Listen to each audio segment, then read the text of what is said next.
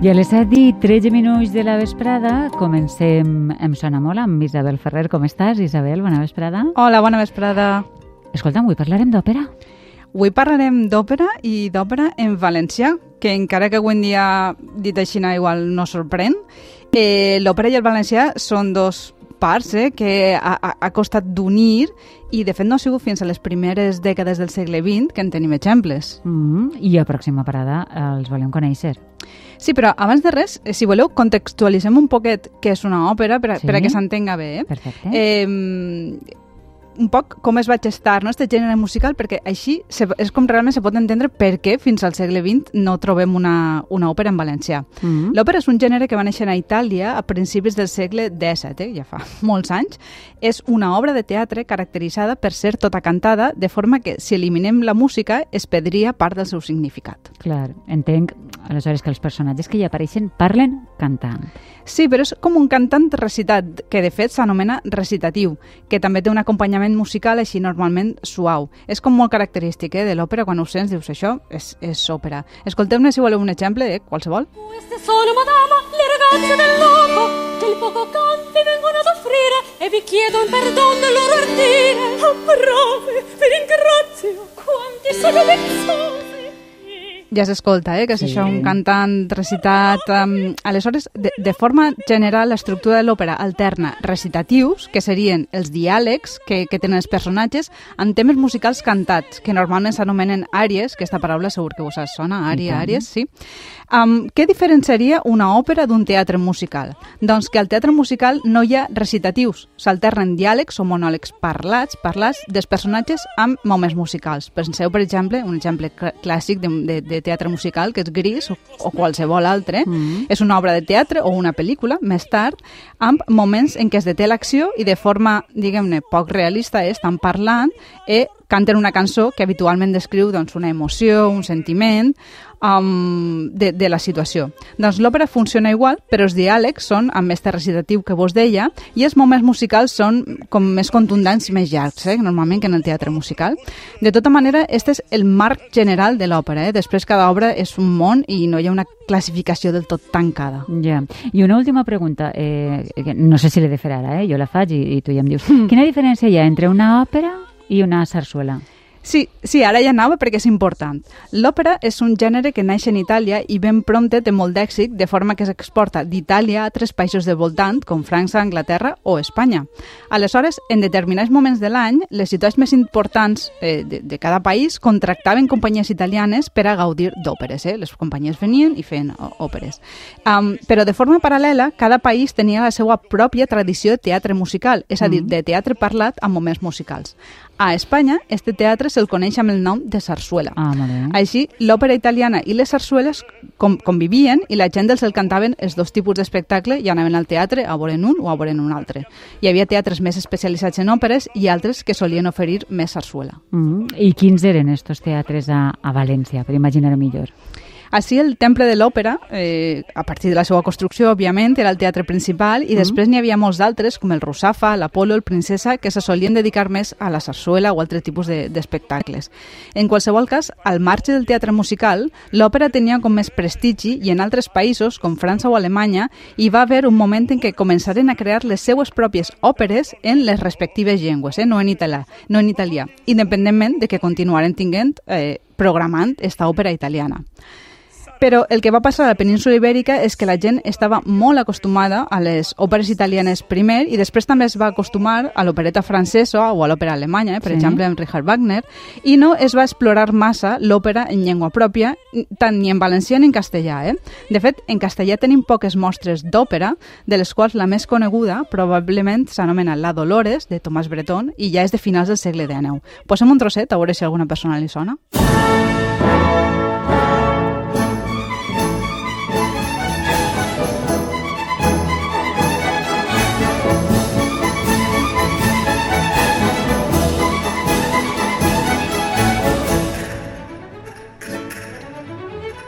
Aquesta és molt coneguda, no? Eh, Sí, sí, és un fragment molt conegut. Ah, I què va passar en el cas de les òperes en valencià? Doncs de la mateixa manera que a la resta de l'Estat, a la gent de mitjans del segle XIX, les sarsueles en castellà els encantaven perquè contenien trames i músiques com més locals, eh? les italianes pues, Clar, també, però eren més llunyanes, no? I amb- en aquestes trames podien identificar-se i aquestes músiques millor.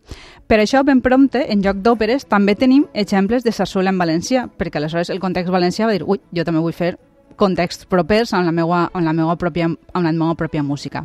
De fet, conservem exemples des de relativament prompte, de mitjans del segle XIX, especialment eh, obres del duet format pel llibretista Francesc Palanca i Roca i el músic Joan García Català.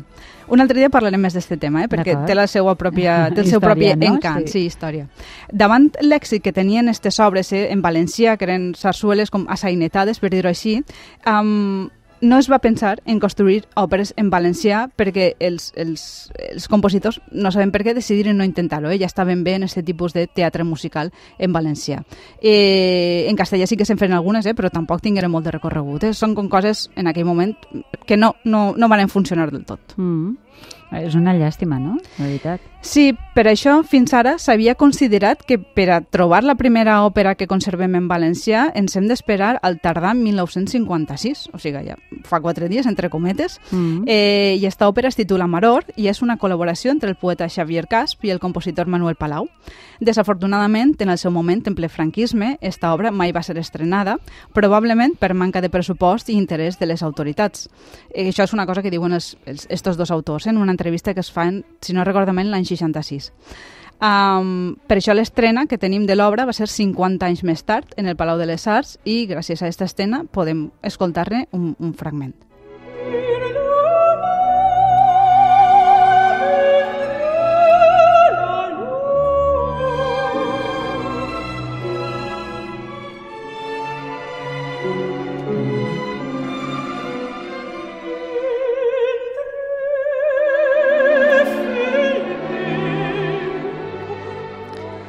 Bé, ja escolteu que sona totalment diferent, ja estem en ple segle XX del tipus Sí. de música.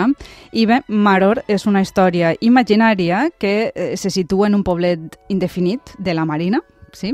a principis dels anys 40, que explica un, un drama familiar, sobretot fonamentat en el perfil psicològic dels personatges, amb avinences i sobretot desavinences. I, com es pot intuir pel nom, el, la Mar té un, hi té un paper molt rellevant. I jo ja no conto res més. Isabel, que sempre ens deixes amb l'any, no? Vinga, però espero que després de, de Maror, que per cert m'agrada molt com sona, eh, hagin vingut més òperes en valencià. Després i, de fet, també abans. Uh, ara m'explicaré. Com he dit, normalment es considera Maror la primera òpera escrita en, en valencià, uh. -huh. en, per autors valencians. Eh? En català sí que en, en català, diguem, del, Oriental, del nord sí. sí. que en tenim algunes més mm, de principis de segle, però en, en valencià um, es considera esta. El que passa és que abans de Maror en tenim altres intents, alguns més consistents que altres. Per exemple, l'any 1952, és a dir, quatre anys abans de Maror, Carles Salvador va escriure un guió per a una composició orquestral basada eh, en, en el Trialdo Blanc, que va eh, definir, ell mateix a ell li va anomenar com un llibret d'òpera. I l'obra, com el seu propi nom indica, està inspirada en l'obra de Joan Martorell, però desafortunadament l'escriptor no va trobar cap unió amb cap músic que finalment li escrivirà esta, esta música per a este guió d'òpera que ell havia escrit. Potser Carles Salvador es va desanimar a causa dels problemes que el franquisme havia posat 10 anys abans a l'estrena de La filla del rei barbut, de Matilde Salvador, sí. una obra que, com sabeu, es basa en el magnífic i que recomana a tot el món Tombato Sals, de, Mm, de Pasqual Pasqual Tirado. Tirado. Sí. Eh, de fet, esta obra es, es considera una obra, el que passa és que és per a titelles. Per tant, eh, s'ha quedat com un poc al marge de la cronologia habitual del gènere. Si voleu, sentim perquè val la pena un trosset Sí, sí. de- d'esta obra.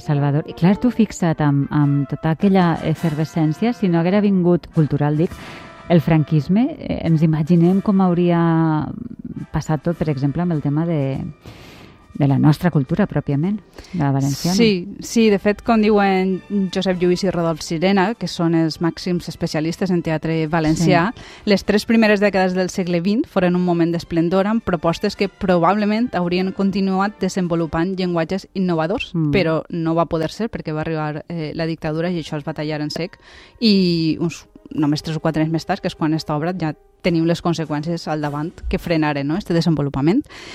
L'única fórmula que el franquisme de les primeres dos dècades va veure viable és un teatre en música, però seguint aquesta línia eh, de, del sainet, eh, del qual el millor exemple és l'exitosa obra La cotorra del mercat, mm. amb música de Leopoldo Magenti i el llibret de Paco Barquino.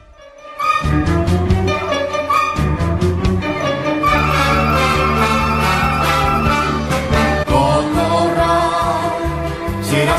seràs feliç amb la cotorra, Tenim a, tenim a Carme Juan eh? cantant. Sí, canvia molt. És, és, és, és una revista, ah, sí, és una sí, revista sí, en realitat. En qualsevol cas, eh, tornant al guió per a òpera de Tirant lo Blanc, de Carles Salvador, jo no estic molt segura de que Carles Salvador no intentara musicar-la. De fet, fent recerca sobre el tema, he trobat que el manuscrit de Salvador el coneixia també el compositor Manuel Palau i que, a més, este compositor, que és el mateix de Maror, sí. té un intent d'una òpera en valencià dècades abans. Es tracta d'una peça titulada La dansa més vella, datada de principis dels anys 20, amb llibret, en este cas dels germans Duran i Tortajada. Eh? Això és una primícia que d'ací ah. eh, de l'em sona molt. I ara, ara mateix estic investigant sobre ella, però en confirmar-se podria considerar-se per ara, eh, la primera òpera sí? en valencià que coneixem, datada això de 30 anys abans de... Doncs escolta'm, de quina sort que tenim de tindre Isabel Ferrer sí, quan ho acabes d'investigar tot ens ho constates, no? Ens ho explicaràs quan acabes totes aquestes investigacions. S'ha de confirmar, però de tota manera està bé saber que, que va haver més, no? més producció sí. i, que, i, més, i més intens, no? Com a mínim, després mm -hmm. ja, doncs el que, el que siga, doncs... Uh, serà. serà. No, no podem fer res més.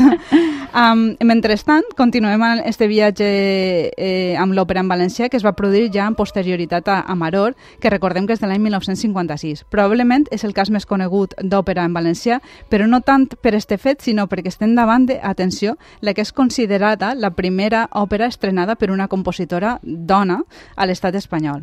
Estem parlant de l'òpera Vinatea, amb música també de Matilde Salvador i amb llibret també de Xavier Casp, que va ser estrenada l'any 1974 al Liceu de Barcelona. I en tenim un un fragmentet preparat per a gaudir-la.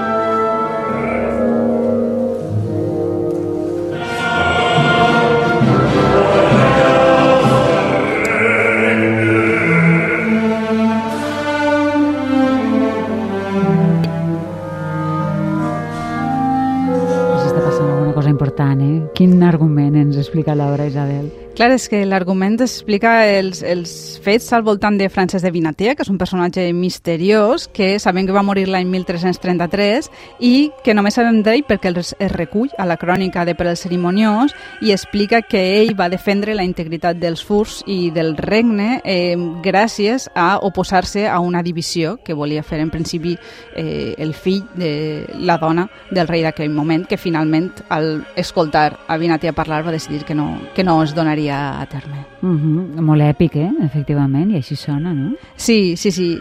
I bé, més enllà de les, de les històries de caràcter social, com, com Maror, eh, sempre triomfen no? aquestes històries en personatges històrics, eh, reals o imaginaris, com el Tirant, que han inspirat a molts compositors. De fet, el Tirant probablement és de les històries que més ha explotat a nivell operístic. Per exemple, més tard tenim una altra òpera, en este cas del valencià Armand Blanquer, amb llibret dels esmentats Josep Lluís i Rodolf Cirera, que és el tram de Tirant, i que continua explorant este personatge. Mm.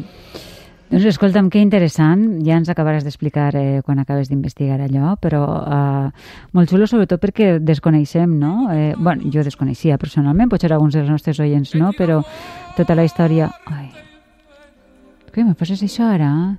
No, no, no, que, que no, no, no és, a, a tu no li dic, no és per a mal, espera bé, perquè a mi em poses això i em desmuntes la paradeta. O me la montes.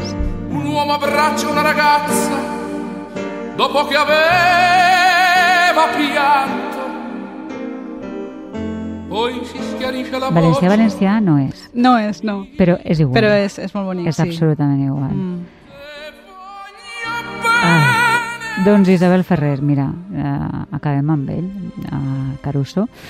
Um, moltes gràcies. T'esperem la setmana que ve, que acabes de passar una bona setmana eh, i ja està. Gràcies a vosaltres. Ja està. Tu te pareix que és manera d'acabar un programa i ja està. Gràcies, Isabel. Acabem-ho com cal, va, amb Caruso i amb l'agraïment que sempre els fem a tots vostès per haver-ho fet possible, per descomptat, un dia més. Tornem demà a les 3 i mitja, que acaben de passar una bona vesprada i, si poden, una millor nit.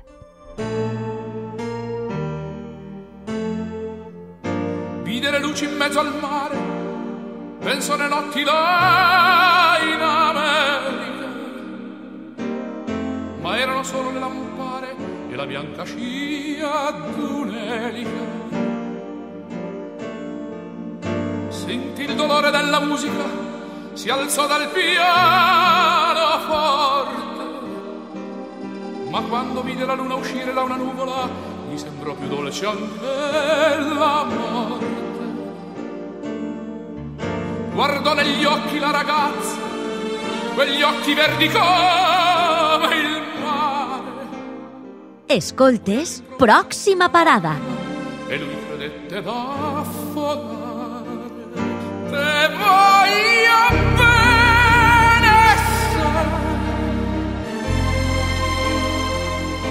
ma tanto